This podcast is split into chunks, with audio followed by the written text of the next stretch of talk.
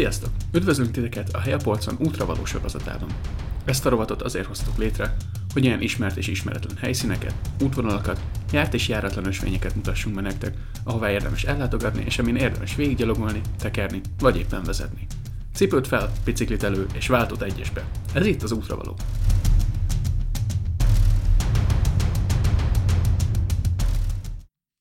Sziasztok! Ez itt hosszas kihagyás után ismét a Helyapolcon Podcast útravaló rovata, én pedig a mai műsor házigazdája, Létre vagyok.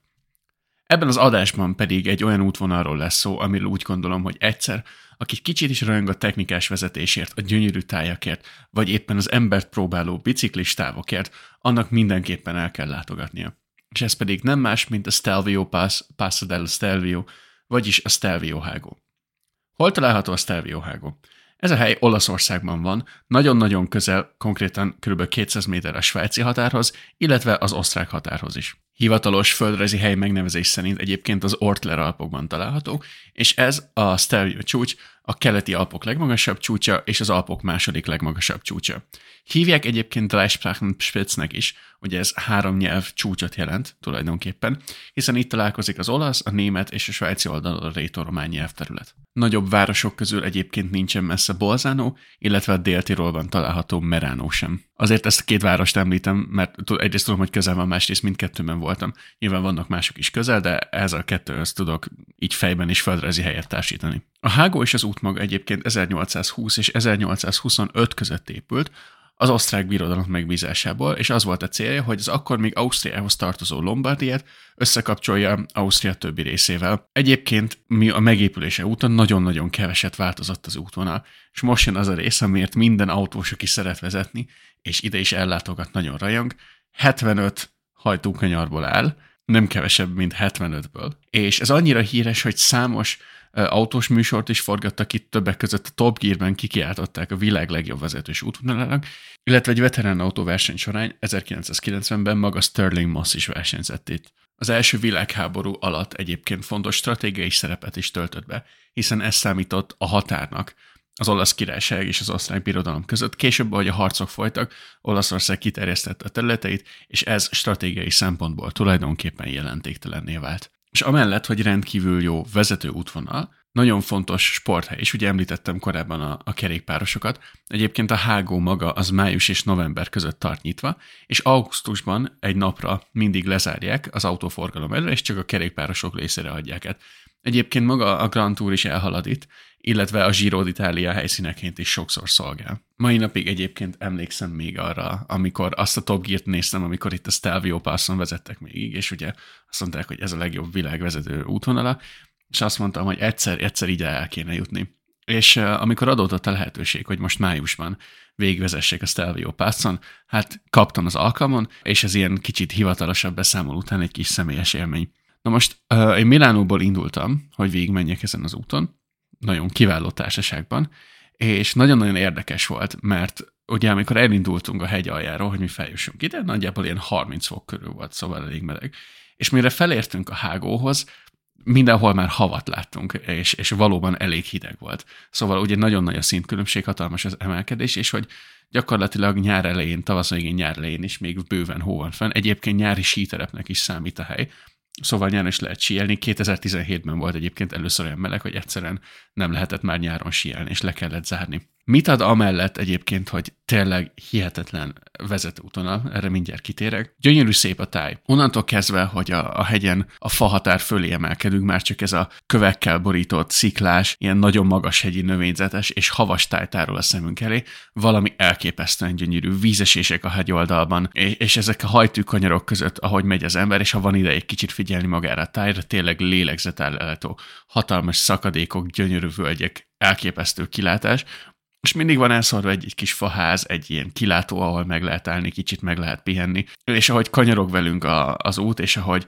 esetleg követi egy folyó, úgy változik a természet, és tényleg szerintem órákon keresztül el lehet itt menni, mert valóban lélegzetelleító látvány. És ahogy közeledünk a pass felé, egyre inkább fogy a forgalom, egyre több motoros lesz, egyébként nagyon-nagyon sok motoros van, és megfogyatkozik az autók száma, és érdekes látni, hogy valószínűleg erre téved egy-két ember, akinek erre kell jönnie, mert nincs más választás, azok látszik, hogy ilyen elég félősen, meg lassan vezetnek minden, de alapvetően a forgalom 90% azt azok adják, akik valóban a vezetés miatt jöttek ide.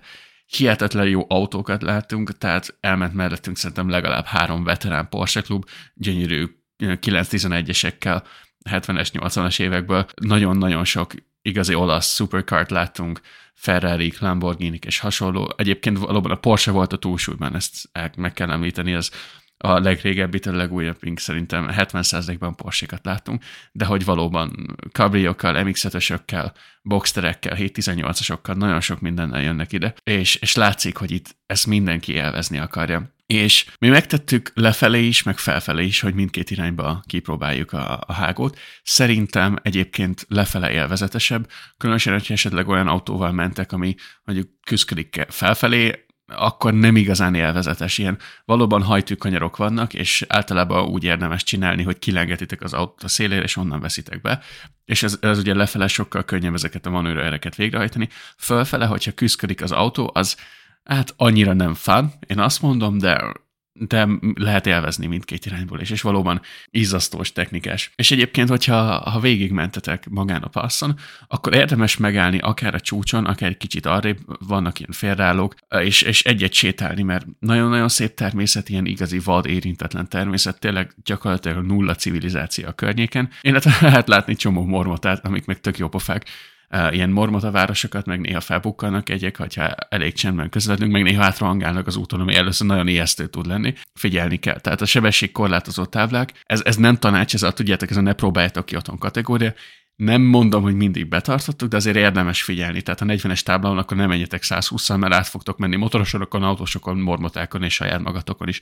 Szóval ez tényleg ide az menjen, aki vezetni szeretne, mert ez, ez veszélyes útvonal. És a biciklisek, hát aki ide felbiciklizik, minden elismerésem, vannak a bolondságnak is szintjei, de tényleg sok biciklis van, ugye rájuk is kell figyelni, jó benyomást tesz rájuk, hogyha nem ütöd el őket oda is, meg vissza is, de hogy valaki, hogyha az igazi challenge-et keresi, és szeret így hegyi kerékpározni, annak meleg szívvel javaslom, egyébként szerintem közel áll az öngyilkossághoz, de minden esetre mindenki eldönti magának. És most kicsit így belemerültem így a személyes élményekbe, meg ömlengésbe, de még talán egy ilyen kis kulturális kitekintés, hogy ez az autó és motorgyártókat is megiglette ez az útvonal. 2008-ban egyébként a Moto volt egy Stelvio nevű modellje, illetve hát az Alfának, az Alfa Romeo-nak a Tonale megjelenéséig egyetlen és első SUV-ját is Stelvio-nak hívták, szóval ez mindenképp fontos szerepet tölt be az autós társadalom körében.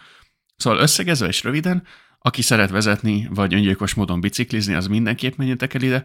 Tegyétek meg a, a nyitvatartás időben, tehát májustól novemberig. Azt mondom, hogy érdemes nyáron menni, mert általában ugye szép, szép időben érdemes megnézni, akkor egy nyálkás, ködös, csúszós, mm, szerintem az nem az, nem az igazi, meg elég veszélyes, tehát itt nem árt száraz úton végigmenni, és tényleg gyönyörű időben lélegzetel állító a kilátás, elmentek egy jó partnerrel, beraktok egy jó zenét, és végigvezettek, és elmondhatjátok, hogy na, ezt is megcsináltuk.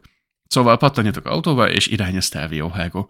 Velem pedig a következő adásban találkoztunk. Örülök, hogyha meghallgattatok. Sziasztok!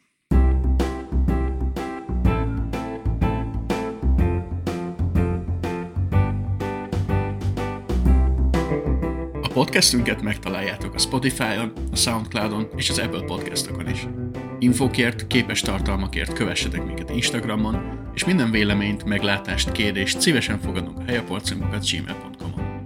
Következő adásig pedig csináljatok még egy helyet a polcon. Sziasztok!